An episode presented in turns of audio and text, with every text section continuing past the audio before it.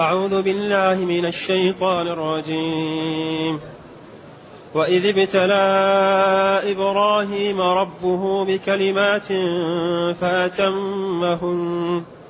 قال إني جاعلك للناس إماما. قال ومن ذريتي. قال لا ينال عهد الظالمين. وإذ جعلنا البيت مثابة للناس وأمنا واتخذوا واتخذوا من مقام إبراهيم مصلى وعهدنا إلى إبراهيم وإسماعيل أن طهرا أن طهرا بيتي للطائفين والعاكفين والركع السجود وإذ قال إبراهيم رب اجعل هذا بلدا آمنا وارزق أهله وارزق أهله من الثمرات من آمن منهم بالله واليوم الآخر. قال ومن كفر فأمتعه قليلا ثم أضطره إلى عذاب النار. وبئس المصير. الحمد لله الذي أنزل إلينا أشمل الكتاب وأرسل إلينا أفضل الرسل وجعلنا خير أمة أخرجت للناس. فله الحمد وله الشكر على هذه النعم العظيمة والآلاء الجسيمة. والصلاة والسلام على خير خلق الله وعلى آله وأصحابه ومن اهتدى بهداه. أما بعد فإن الله جل وعلا يبين في هذه الآيات كرامة إبراهيم وما اصطفاه الله به وأن الإمامة نالها بتطبيقه لأوامر الله. وإذ ابتلى إبراهيم ربه ابتلى اختبر. إبراهيم هو المفعول هو المختبر. الرب هو المختبر هو المبتلي هو الآمر هو الناهي. إذا اختبره وأمره ونهاه وابتلاه بابتلاءات أمره بذبح ابنه فقال سمعا وطاعة وتله للجبين. وقال الرب جل وعلا إن هذا لهو البلاء المبين. فلما نجح في ذلك ونفذ وقام عند ذلك قال إني جاعلك للناس إماما. فالإمامة في الدين لا تنال إلا بالعمل وكل شيء له ثمن. نحن الآن كل واحد منا يريد شيء يبذل ثمنه. الذي يريد الجنة يبذل ثمنها الذي يريد امرأة فيها الصفات الأربعة يدفع المهر. تكون ذات جمال وذات مال وذات حسب وذات دين. تنكح المرأة لأربع. طيب إذا كانت المرأة فيها الصفات الأربعة وقيل له أدفع يقول حاضر يدفع. كذلك الجنة لها إيش؟ لها مهر. ومن يخطب الحسناء لم يغلها المهر. إذا إبراهيم لما اختبره ربه وابتلاه ونجح في الاختبار قال إني جاعلك للناس إماما. أي إنسان الآن ينفذ الأوامر ويجتنب النواهي ويستقيم على الدين يكون إمام. يكون قدوة في الخير.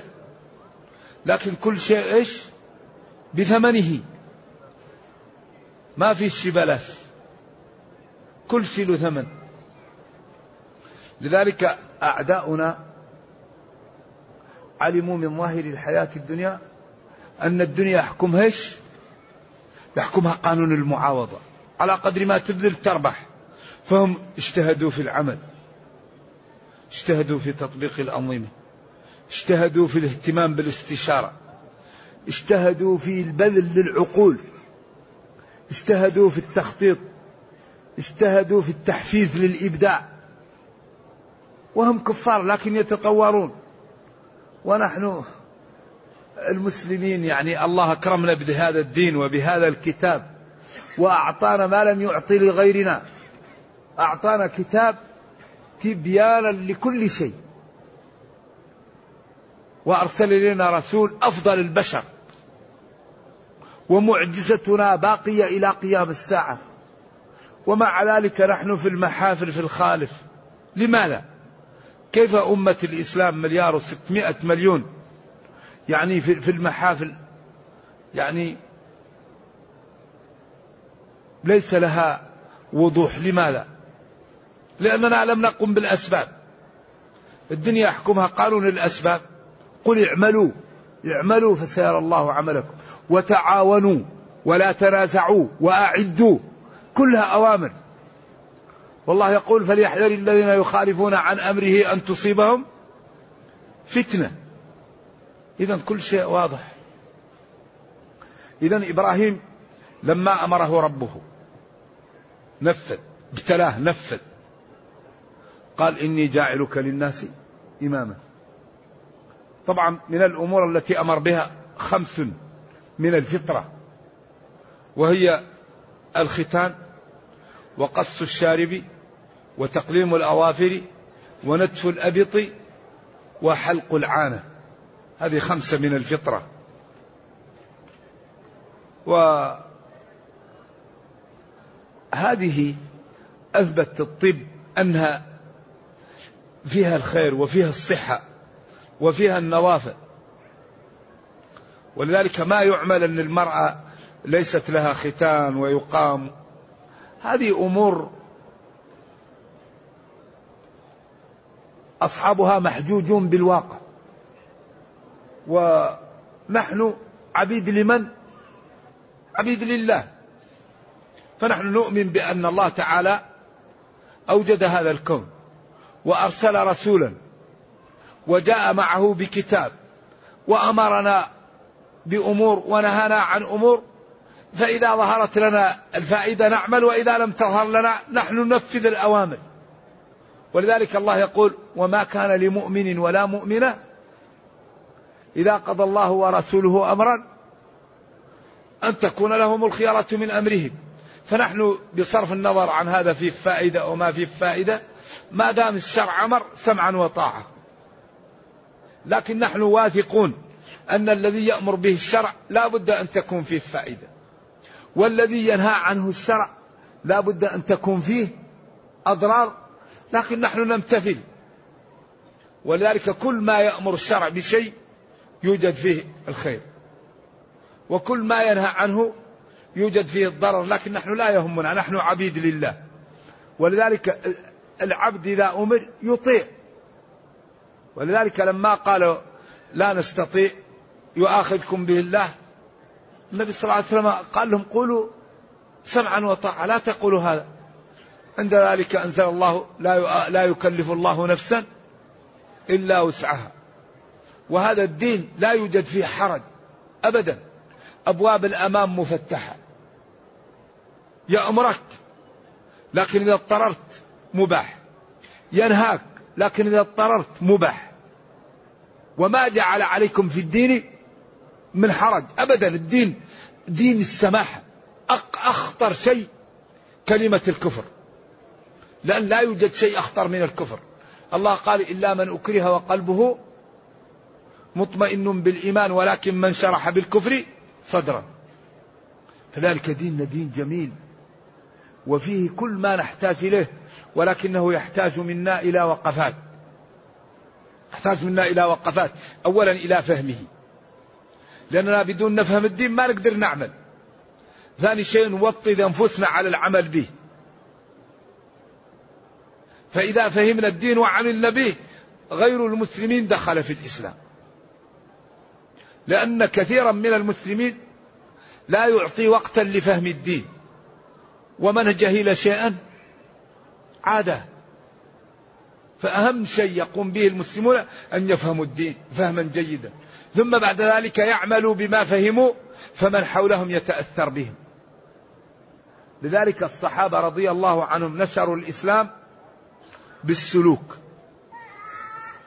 السلوك ينظر الواحد منهم نظرة المسلم وينام نومة المسلم ويبيع بيع المسلم ويعامل الناس تعامل المسلم فإذا تعامل المسلم مع الناس بالإسلام أحبوه فإذا أحبوه قبلوا منه. فإذا قال لهم شيء قبلوه وإذا نهاهم عن شيء تركوه. لذلك أحوج ما نحتاج إليه أن نوثق الناس فينا وبالأخص الدعاة. الدعاة في حاجة ماسة إلى توثيق الناس فيهم. الداعية لا يكذب الداعية لا يظلم الداعية لا يسرق الداعية لا يزني الداعية لا يرابي. فنحن أهم شيء أن ندعو الناس بأخلاقنا قبل ما لا قبل أقوالنا.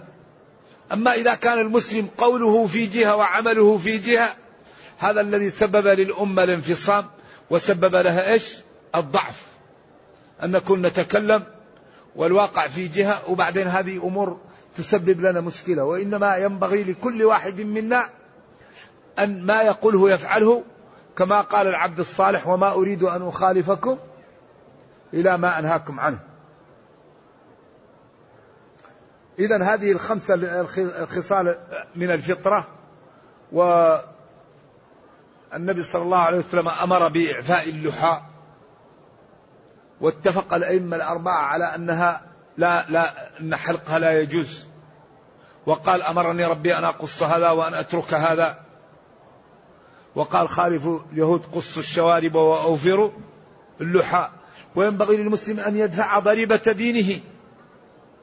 والذي يريد أن يسخر منا أننا نترك السنة. يمنعنا من الموت. الذي يريد أن يقول لك تيس ما تفهم مطوع ويضحك عليك. قل له يا أخي أمنعني من الموت. أمنعني من الموت. فإذا كنت لا تستطيع أن تمنعني من الموت كيف يا أخي تسخر مني أني طبقت أمر ربي. إذا هي الأمور أول شيء الله هو اللي أوجد هذا الكون. إذا هذا الكون له معبود وهو الذي أوجده. وهذا المعبود الذي أوجد الكون أرسل رسول للناس كافة يسمى محمد بن عبد الله صلى الله عليه وسلم. وهذا الرسول أعطاه برهان ودلالة على أنه رسول هذا الكتاب القرآن. وقال هذا القرآن هو دستور الأمة تعمل به. والدليل على أني رسول أتوا بمثل القرآن. فإن لم تستطيعوا أن تأتوا بمثل القرآن فاعلموا أني رسول من عند الله وقد أوعد ربي المكذب بالنار فاتقوا النار. إذا الدين قائم على براهين وعلى أسس ما هي قابلة إلا للعمل أو للمكابرة. فلذلك حري بنا الحقيقة أن نتمثل وأن ندفع ضريبة الإسلام في سلوكنا وفي سمتنا وفي تعاملنا. لابد كل واحد منا يدفع ضريبة الدين. الذي عنده ولد إذا مرض يذهب للطبيب إذا احتاج أن يذهب إلى المدرسة يذهب للمدرسة إذا احتاج للأكل يذهب ويشتري له الأكل. الولد نعالجه إذا مرض ونشتري له الثياب ونذهب به للمدرسة وإذا آلاه واحد نذهب ونغضب. كيف تضرب ولدي؟ طيب الإسلام ما يكون مثل ولدنا عندنا. ما نحاول أن نعامل الإسلام كما نعامل أولادنا وأموالنا. ينبغي أن لا يقل الإسلام في نفوسنا عن أموالنا وأولادنا. والله يقول إنما أموالكم وأولادكم فتنة. ابتلاء. والله عنده أجر عظيم. ما نجد من المتع في المال والولد أعظم منه ما عند الله من الأجر. لو اتقينا الله في المال والولد. إذا لابد كل واحد منا يدفع ضريبة هذا الدين. على الأقل لا نجعل الدين أقلش من من المال والنفس. نجعل الدين مثل المال والنفس. أما نقدم المال والنفس على الدين هذه مشكلة. فإذا سوينا المال والنفس مع الدين إن شاء الله نعمل لديننا. أما إذا كان أول شيء أنفسنا وأموالنا والدين رقم ثلاثة هذه مشكلة. فلذلك ينبغي لكل واحد منا أن يهتم بالدين ويقدم له ما يستطيع. ومن أهم ما نقدم للدين أن يكون سلوكنا سلوكا صحيحا. لا نظلم ولا نكذب ولا نرابي ولا نسرق. ولا ناذي جيراننا ولا نعق والدينا ولا نضيع الواجب ولا نقدم على الحرام على قدر ما نستطيع. فإذا فعلنا هذا أصبحت حياتنا تدر على الأمة الخير وأصبح فيها النور وأصبحنا يحمينا ربنا لأن الذي يستقيم ربه يحميه. من عادى لي وليا فقد آذنته بالحرب. وقال ربكم ادعوني أستجب لكم. لكن هذا لا يمكن أن يأتي إلا بماذا؟ إلا بالمكابدة. ما يمكن هذا يكون إلا بالمكابدة. والذين جاهدوا فينا. والذين جاهدوا فينا. لنهدينهم المجاهدة البصر السمع اللسان القلب اليد الرجل البطن الفرد. كل هذه تحتاج مكابدات. فإذا كابدها الإنسان نمى الإيمان في قلبه حتى أصبح مثل هذا السارية. فعند ذلك إذا دعا ربه استجاب له وإذا دعاه شخص عاداه شخص دمره ربه وأصبحت حياته تدر على الأمة الخير والنفع. إذا واذكر وقت ابتلاء إبراهيم ربه بكلماته أوامر ونواهي. وخصال وسنن فأتمهن وفاهن. قال له ربه بعد ذلك إني جاعلك للناس إماما. الإمام هو القدوة ومن الأم الذي يجتمعون تحتها الراية ومن الأم لأنها الأصل للإنسان. والأمة كل هذا لأنه هو أساس الشيء وقدوته قال إني جاعلك للناس إماما. يقتدى بك. ولذلك من الدعاء واجعلنا للمتقين إماما. أي الإنسان يدعو الله أن يجعله إمام يقتدى به في الخير. لأن الإنسان إذا كان صاحب خير يقتدى به ويكون له أجر من عمل بما تأثر به. من سن سنة حسنة فله أجرها وأجر من عمل بها لا ينقص ذلك من أوزارهم شيئا. قال إبراهيم ومن ذريتي. لأن الولد سبحان الله محبوب عند الوالد. ولذلك دائما الرسل وهم أفضل الناس. الله جبر فيهم محبة أولادهم. هنا أول شيء قال ومن ذريتي. قال الرب لإبراهيم لا ينال عهدي أو عهدية قراءتان سبعيتان. قال لا ينال عهدي إيش؟ الظالمين.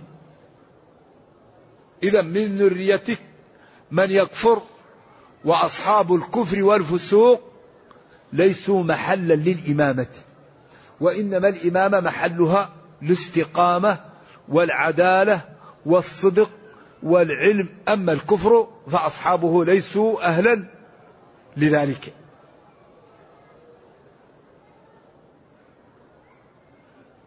إذا من ذرية إبراهيم من هو إمام كإسماعيل وإسحاق ومحمد صلى الله عليه وسلم ومنهم من كفر عياذا بالله وابتعد ولم يكن محلا للإمامة.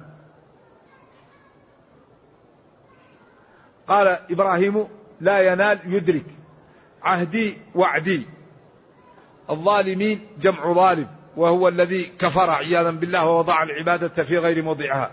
واذكر أيضا هذا معطوف على وإذ ابتلى. واذكر حين أو وقت جعلنا البيت مثابة للناس. جعلنا صيرنا البيت مفعول أول مثابة مفعول ثاني. للناس أي للخلق جميعا. وإذ ظرف لما مضى من الزمان يلزم إضافة إلى الجمل وألزموا إضافة إلى الجمل حيث وإذ. وإن ينون يحتمل. إذا يعني في بعض الكلمات تلزم إضافة للمفرد وبعضهم تلزم إضافة إلى الجملة. فمن الذي يلزم إضافة إلى الجملة حيث وإذا وإذ. على خلاف في حيث.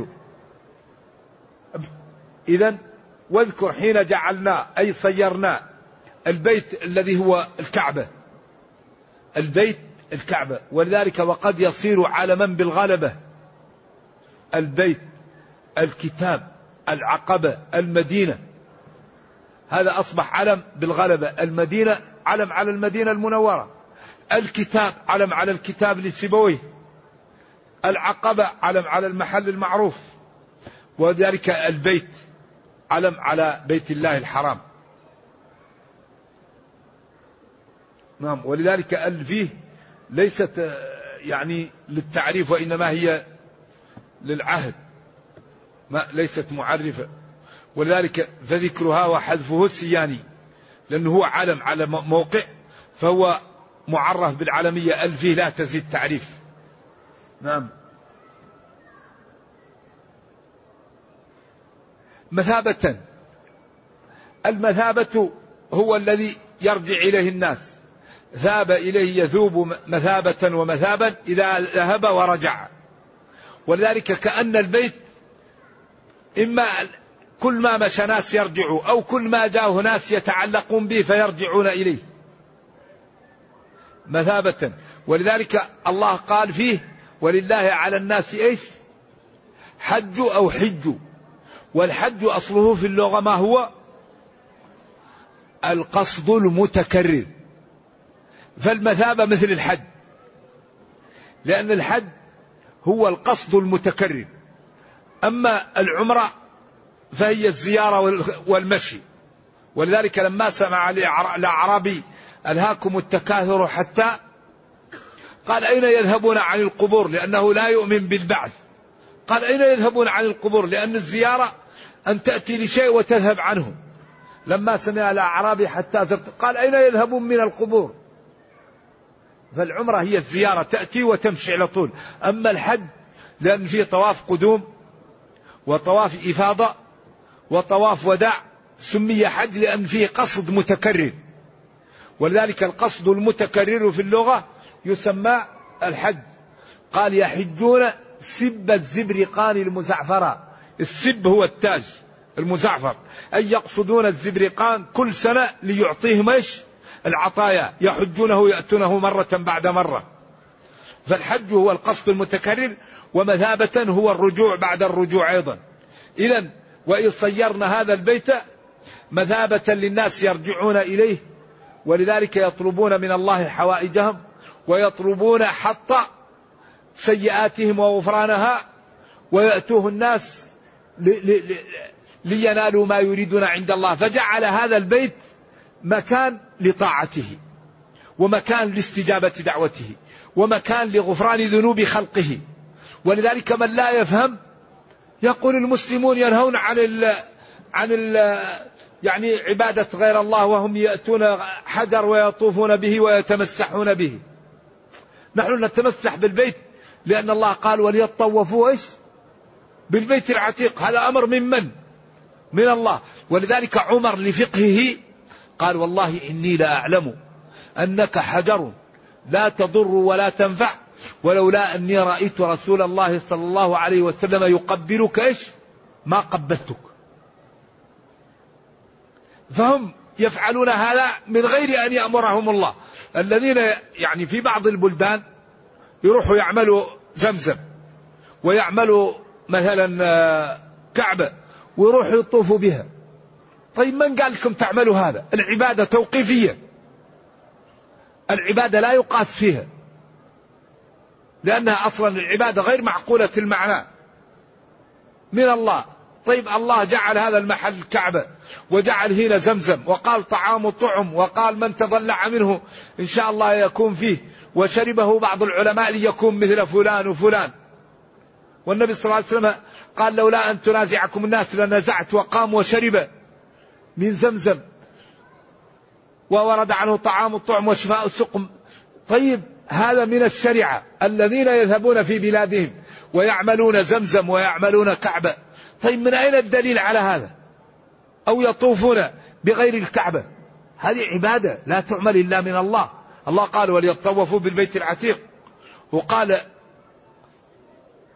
أفيض ثم أفيضوا من حيث أفاض الناس. وقال فاذكروا الله عند المشعر الحرام.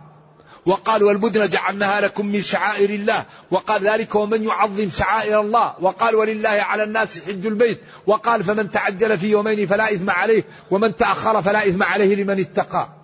طيب ما بال الناس تجعل في بلادها يعني محلات تدعى ومح كيف هذا؟ والله يقول وقال ربكم ادعوني وقال أمن يجيب المضطر إذا دعاه. فجعل إجابة المضطر خلق الجبال. جعل إجابة المضطر مثل خلق الجبال. ولذلك في سورة النمل قال قل الحمد لله وسلام على عباده الذين اصطفى. آه الله خير مما تشركون أمن خلق السماوات والأرض وأنزل من السماء ماء أو أنزل لكم. وأنزل من السماء ماء فأنبتنا به حدائق. ذات بهجة ما كان لكم أن تنبتوا شجرها. أإله مع الله؟ بل هم قوم يعدلون. أمن جعل الأرض قرارا؟ وجعل خلالها أنهارا.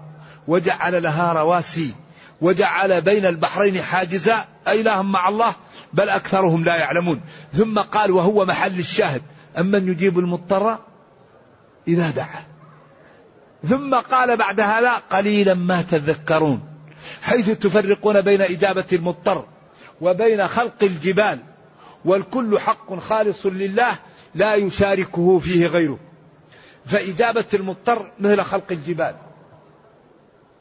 سبحان الله. ولذلك الآن إذا سألت أي واحد من خلق الجبل؟ يقول لك الله. من خلق البحر؟ الله. من خلق الأشجار؟ الله. لكن من يجيب المضطر؟ كل بلد له أولياء يدعونها هذه مشكلة.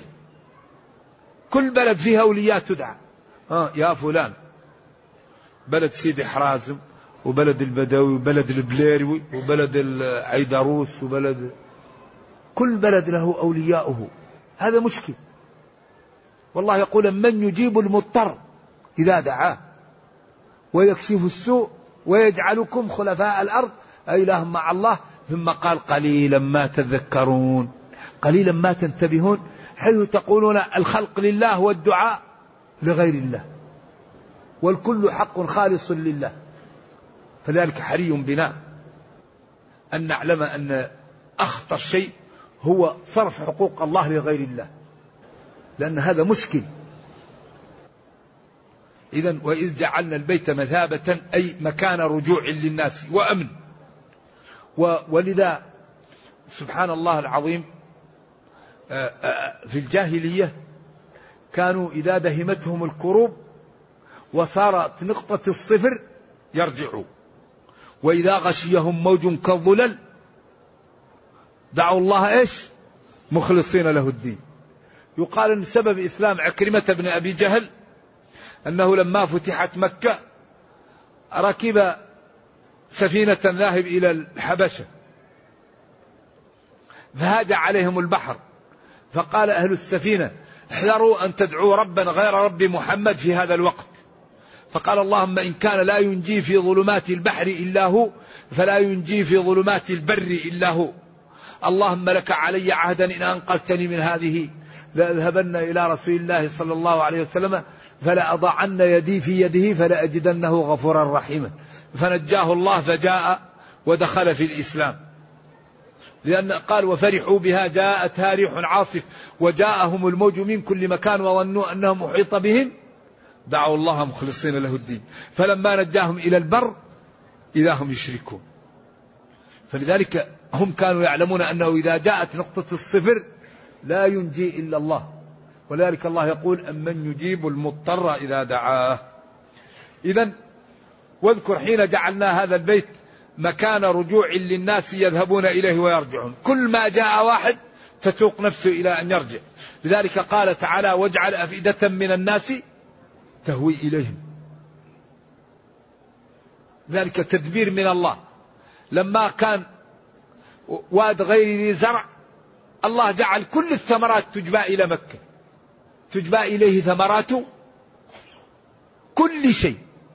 أنت الآن تذهب إلى سوق مكة لا تكاد تعرف ثمرة إلا تجدها في سوق مكة. هذه هذا معجز. واد غير ذي زرع وكل الثمرات تأتي.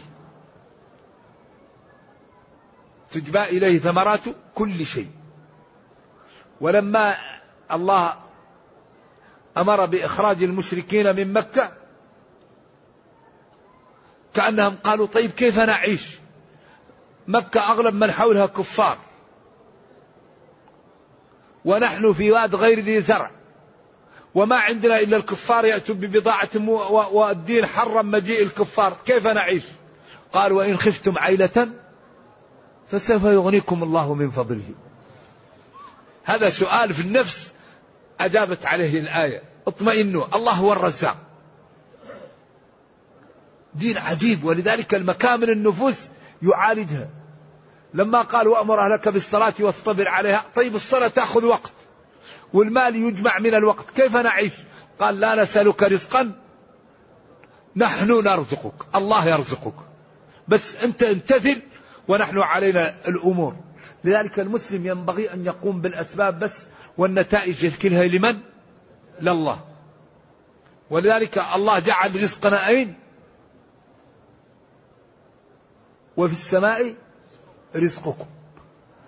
طيب ولذلك لما كانوا الناس لا يصدقون أتى بأربع مؤكدات. لأن كل واحد لا يصدق الرزق في السماء. لأن ما فيه مزرعة في السماء ولا فيه متجر في السماء ولا في مؤسسة في السماء. فكأن الناس تقول كيف رزقي في السماء؟ قال فورب السماء والأرض. إنه لحق مثل ما أنكم تنطقون. أربع مؤكدات. إذا اطمأنوا ما دام رزقكم في السماء لا يمكن يصل إليه أحد. إذا اطمئن وامشي على ما أمرك الله به واعلم أن الله تعالى هو الذي يرزقك وهو الذي يقويك وينصرك ويعطيك ويمنع عنك. فخلاص امتثل الأوامر وقم بالأسباب وريح نفسك. وأمنا أكبر نعم الله تعالى أن هذا البيت كان أمنا للناس. الواحد يجد يرى قاتل أبيه ما يقدر ي... تأتي الوحوش تأمن إذا جاءت. فسبحان الله جعله الله أمن وكان ولذلك امتن عليهم قال فليعبدوا رب هذا البيت الذي أطعمهم من جوع وآمنهم من خوف. لأن أعظم شيء الخوف والجوع. ولذلك لا يمكن الإنسان أن يفكر في العبادة إلا إذا أمن وزال عنه الجوع. أما الذي الجوعان والخائف ما له محل للعبادة. لذلك نهي عن العبادة في وقت الجوع أو العطش أو وقت الخوف حتى يأمن الإنسان حتى يكون له نية في العبادة. إذا جعله لهم أمنا. ثم قال واتخذوا واتخذوا من مقام إبراهيم مصلى. إذا واتقوا يوما واتخذوا أو يكون واتخذوا معطوف على قبلها لأن فيه اتخذوا أمر أو اتخذوا إخبار بالواقع. وكل منهم قراءة سبعية والقراءتان تكون بمثل الكلمتين لأن القراءة في, في القراءات العشر المتواترة وما زاد عنها شاذ. لأن القراءات منقسمة إلى شاذ وإلى متواتر. فالقراءات العشر السبعة لا خلاف فيها والثلاثة الخلاف فيها قليل وهي التحقيق أن مثل السبعة يقرأ بها ويتعبد بها وما زاد على العشرة يعتبر الآن شاذ. ولذلك هذا من إعجاز القرآن ومن التخفيف. أنزل القرآن على سبعة أحرف والسبعة الأحرف ليست هي القراءات السبع وإنما السبعة الأحرف هي جهات. هل المقصود السبعة أو المقصود التكثير؟ أقوال للعلماء. وهذا الحديث من الأمور التي يتوقف كثير من العلماء عن الكلام فيها. ومن جملتهم الوالد قال ما درست شيئا إلا وصلت فيه إلى نتيجة إلا حديث أنزل القرآن على سبعة أحرف. الله أعلم. وقال ابن الجزري في كتابه العظيم النشر تتبعت هذه المسألة أكثر من عشرين سنة ووصلت إلى ما يحتمل أن يكون صوابا. له كلام فيها وكذلك الرازي وابن قتيبة. أنزل القرآن على سبعة أحرف. ولذلك الله يقول وما أوتيتم من العلم إلا قليلا. نعم. واتخذوا أو اتخذوا من مقام إبراهيم مصلى. اختلفوا في مقام إبراهيم. فمنهم من قال الحرم كله ومنهم من قال المسجد الحرام. ومنهم من قال نفس الزيادة الما معمول عليها.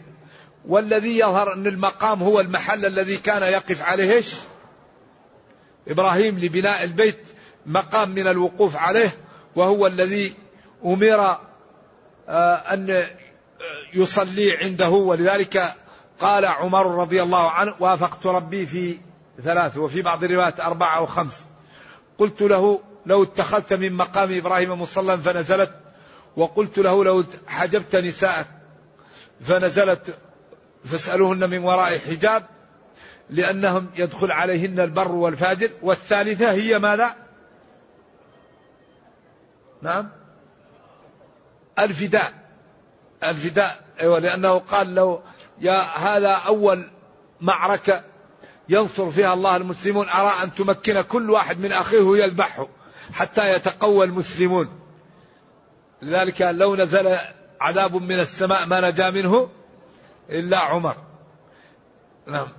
رضي الله عنه. ولذلك قالوا إن له موافقات والكرامات ثابتة للأولياء ولكن الكرامة يشترط فيها أن تكون لمن يحتاج إليها وأن لا يكون يتبجح بها وأن يكون مستقيما على الدين. أما الذي يكون يقوم على المعاصي ويقول هذه كرامة لا. كرامة الولي حق ووهر منها كثير كرسالة عمر لنيل مصر وسماع سارية منه الكلام في البلاد النائية وإن كانت الآثار في هذا لا تصح. لا لنيل مصر ولا لسماع سارية كلها آثار ما, ما, ما لا تصح في هذا. ولكن الكرامات موجودة وقد يعطي الله لبعض الناس كرامات إذا احتاجوها كما أنه يعطي للرسل المعجزات. ولكن بشرط أن يكون صاحب الكرامة على دين ويحتاج إلى ذلك. ولذلك إذا رأيت رجلا يطير وفوق ماء البحر قد يسير ولم يقف عند حدود الشرع فإنه مستدرج أو بدعي فالفيصل هو الاستقامة. أما الذي تظهر عليه الكرامات وهو غير مستقيم هذه ما هي كرامات. هذه بلايات هذه مشكلة. إذا المقام الصحيح أنه ما وضع عليه إبراهيم قدميه وبقية آثاره فيه والآن هو الذي الذي يطوف يصلي خلفه ركعتين ركعتي الطواف على الخلاف الموجود في آلية السنة أو واجبة أو مندوبة على أقوال العلماء في ذلك. واذكر حين جعلنا البيت مثابة للناس أي رجوعا وأمنا واتخذوا أو اتخذوا من مقام إبراهيم مصلى. ثم قال وعهدنا عهدنا بمعنى أمرنا. وشرعنا إلى إبراهيم وإسماعيل. أن طهرا أن للعلماء فيها قولان. يمكن أن تكون أن وما دخلت عليه منصوبة بنزع الخافض وهذا هو القياس. وعد لازما بحرف جر وإن حذف فالنصب للمنجر نقلا. ويمكن أن تكون أن هنا تفسيرية وهذا أقرب. وعهدنا إلى إبراهيم وإسماعيل بأن قلنا له طهرا. وتكون أن لا محل لها من الإعراب هنا. وتكون أن تفسيرية وطهر فعل أمر من التطهير. بيتية اللي هو الكعبة مسجد الكعبة. للطائفين جمع طائف. والعاكفين جمع عاكف. والركع والسجد جمع راكع وساجد. وهذا أصناف الناس الذين يدخلون المسجد. إما مصلي وإما معتكف والمصلي إما يعني راكع أو ساجد. يعني طهر بيتية لمن يريد للعبادة. ولذلك من أكبر ما ينبغي أن يطهر منه بيوت الله النجس. والله قال إنما المشركون نجس. فالتحقيق أن الكفار لا تدخلوا المساجد. بدليل قوله إنما يعمر مساجد الله من آمن بالله والدخول عمارة في الجملة. وقوله ما كان للمشركين أن يعمروا مساجد الله. شاهدين على أنفسهم بالكفر والدخول عمارة في الجملة. فلذلك لا ينبغي لأي كافر أن يدخل أي مسجد. وأكبر دليل على ذلك إنما المشركون نجس بعدين أو بفاء العلة. قال فلا يقربوا المسجد الحرام. وهذه فاء تسمى فاء العلة. أي فلعلة نجاستهم لا يقربوا المسجد الحرام. والنبي صلى الله عليه وسلم قال للذي بال في المسجد إن هذه المساجد لا تصلح لشيء من القاذورات. إنما هي لذكر الله وقراءة القرآن والصلاة. ولذا ربط ثمامة بن أثال في المسجد كان قبل نزول التوبة. وجعلوا البخاري رضي الله عنه ثمامة بن أوثال في عام الوفود هذا من باب التجوز لأن ثمامة بن أوثال أسلم قبل فتح مكة على القول الراجح. ولذلك وفد بني تميم الذين أنزلهم في المسجد كان قبل نزول براءة. لأن في البخاري أن آخر سورة نزلت التوبة. والتوبة نزل فيها إنما المشركون نجس. ولذلك لما سمعها قال كأن هذه نهايات.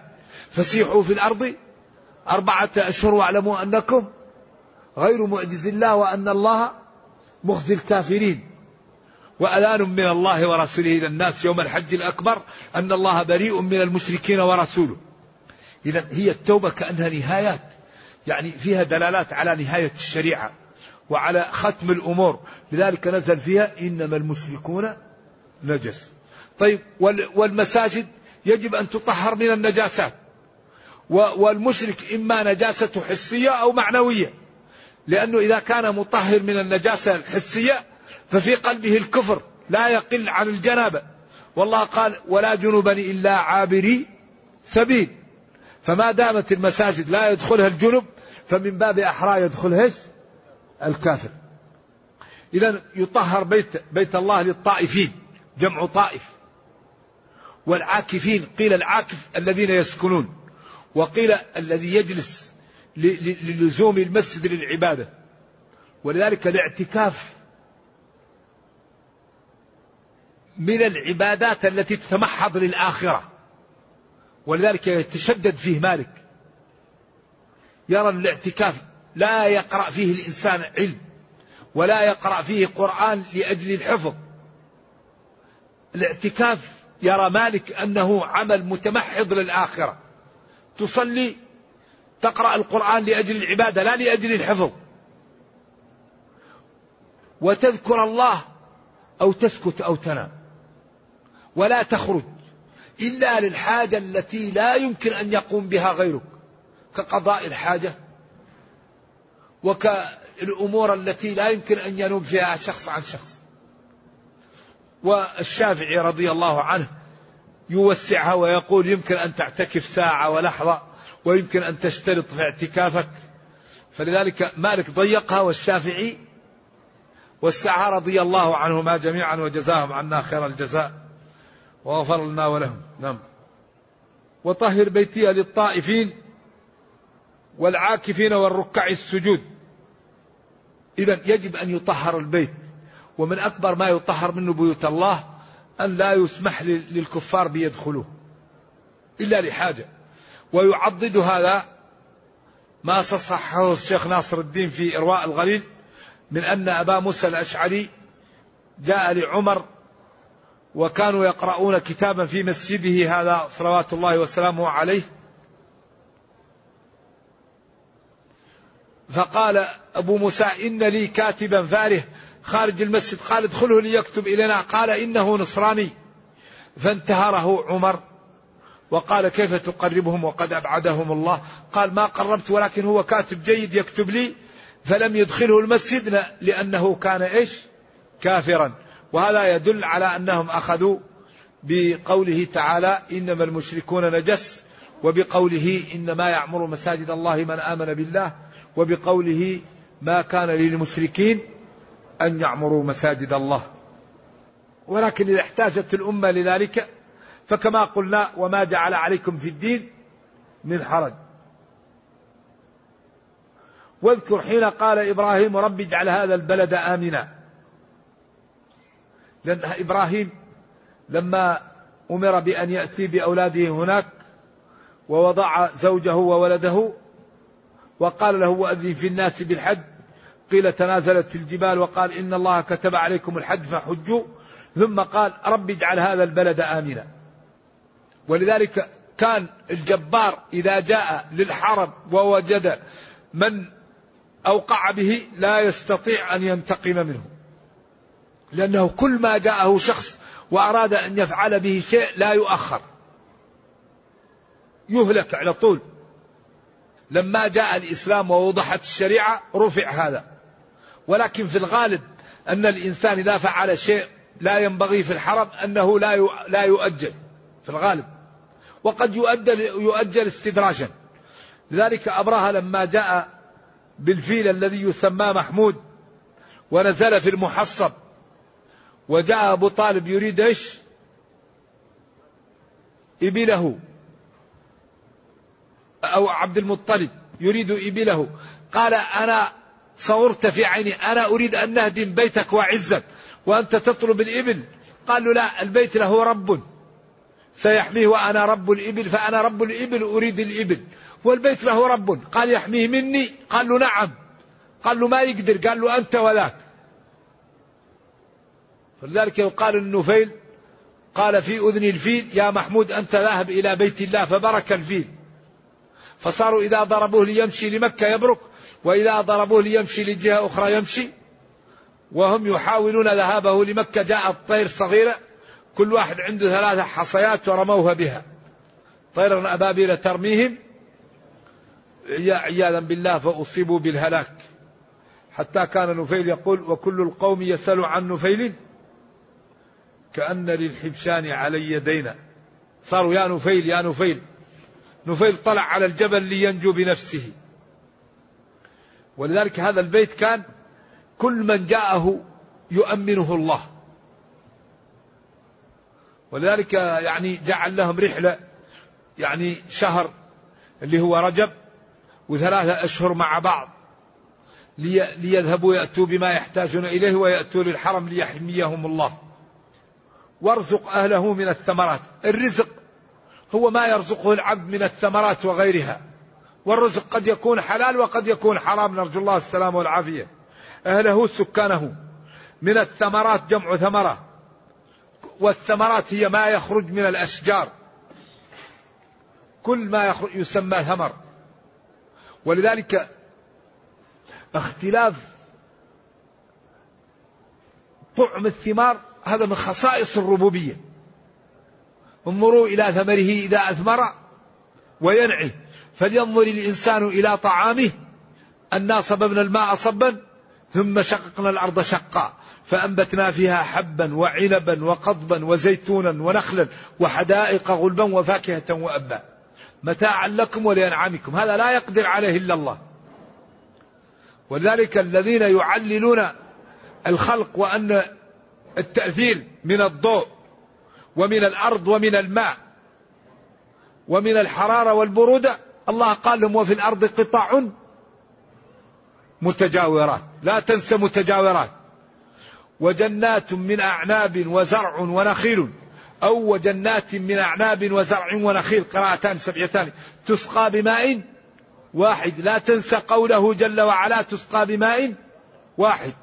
ثم قال ونفضل بعضها على بعض في الطعم لأكل الطعم. من أين جاء التفضيل؟ الماء واحد والتربة واحدة وحتما المناخ واحد. إذا لا بد في فاعل مختار هو الذي يفعل وهو الله. ينبغي أن يعبد ويخلص له وتنفذ أوامره وتجتنب نواهيه. هذا عجيب هذا إحاطة لهم. تسقى بماء واحد ومتجاورات. متجاورات لا يقول هذه الأرض غنية بالمواد العضوية وطينة جيدة ينبت فيها وهذه الأرض سبخة ما تصلح. لا متجاورات. وتسقى بماء واحد حتى لا يقول هذا الماء جيد ومليء بالمواد التي تجعل الجذوع تنبت وهذا الماء مشكل فيه ملوحة وفيه بلى ما يترك الجذوع تنبت. قال ونفضل بعضها على بعض في الطعم. من أين جاء التفضيل؟ ثم أتبع ذلك وقال إن في ذلك لآيات لقوم يعقلون. أي من عندهم عقل يميزون بأن هذا فاعل مختار هو الذي يوجد. ذلك ديننا لا يقاوم؟ الإسلام دين عجيب. كل ما نحتاج إليه موجود فيه. وارزق أهله من الثمرات. التمر والعنب وكل ما ما, ما يأتي من من المزارع. من آمن منهم بالله واليوم الآخر. إبراهيم هنا لما قال له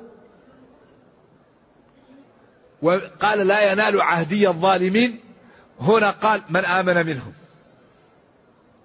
وقيل هذا قول الله لأن إبراهيم لما قال أرزق له من الثمرات من آمن منهم بالله قال له ربه ومن كفر أيضا لأن الله هو الرزاق الرزاق. يرزق كل الخلق في الدنيا. ولكن الآخرة الكافر ما له فيها ما له فيها حظ. وقدمنا إلى ما عملوا من عمل. من يشرك بالله فقد حبط عمله فقد حرم الله عليه الجنة ومأواه النار. ولذلك البلية كل البلية أن الإنسان يموت على غير الإسلام. نرجو الله السلام والعافية. ولذلك كان كبار العلماء لا يخافون إلا من أخذ الإيمان قبل أن يموت الإنسان. الإمام سفيان الثوري أبو بكر عمر. ونبينا صلى الله عليه وسلم كان من دعائه يا مقلب القلوب ثبت قلوبنا على دينك. أخطر شيء هو أن يؤخذ من الإنسان الإيمان قبل أن يموت. لذلك قال بعض السلف أدركت سبعين من الصحابة كل واحد منهم إيش؟ يخاف النفاق. وكان عمر يقول لحذيفة بن اليماني أبي الله عليك قال لك رسول الله إني منافق؟ يقول لا والله لا أزيدك. لأن حذيفة كان أمين سر رسول الله صلى الله عليه وسلم.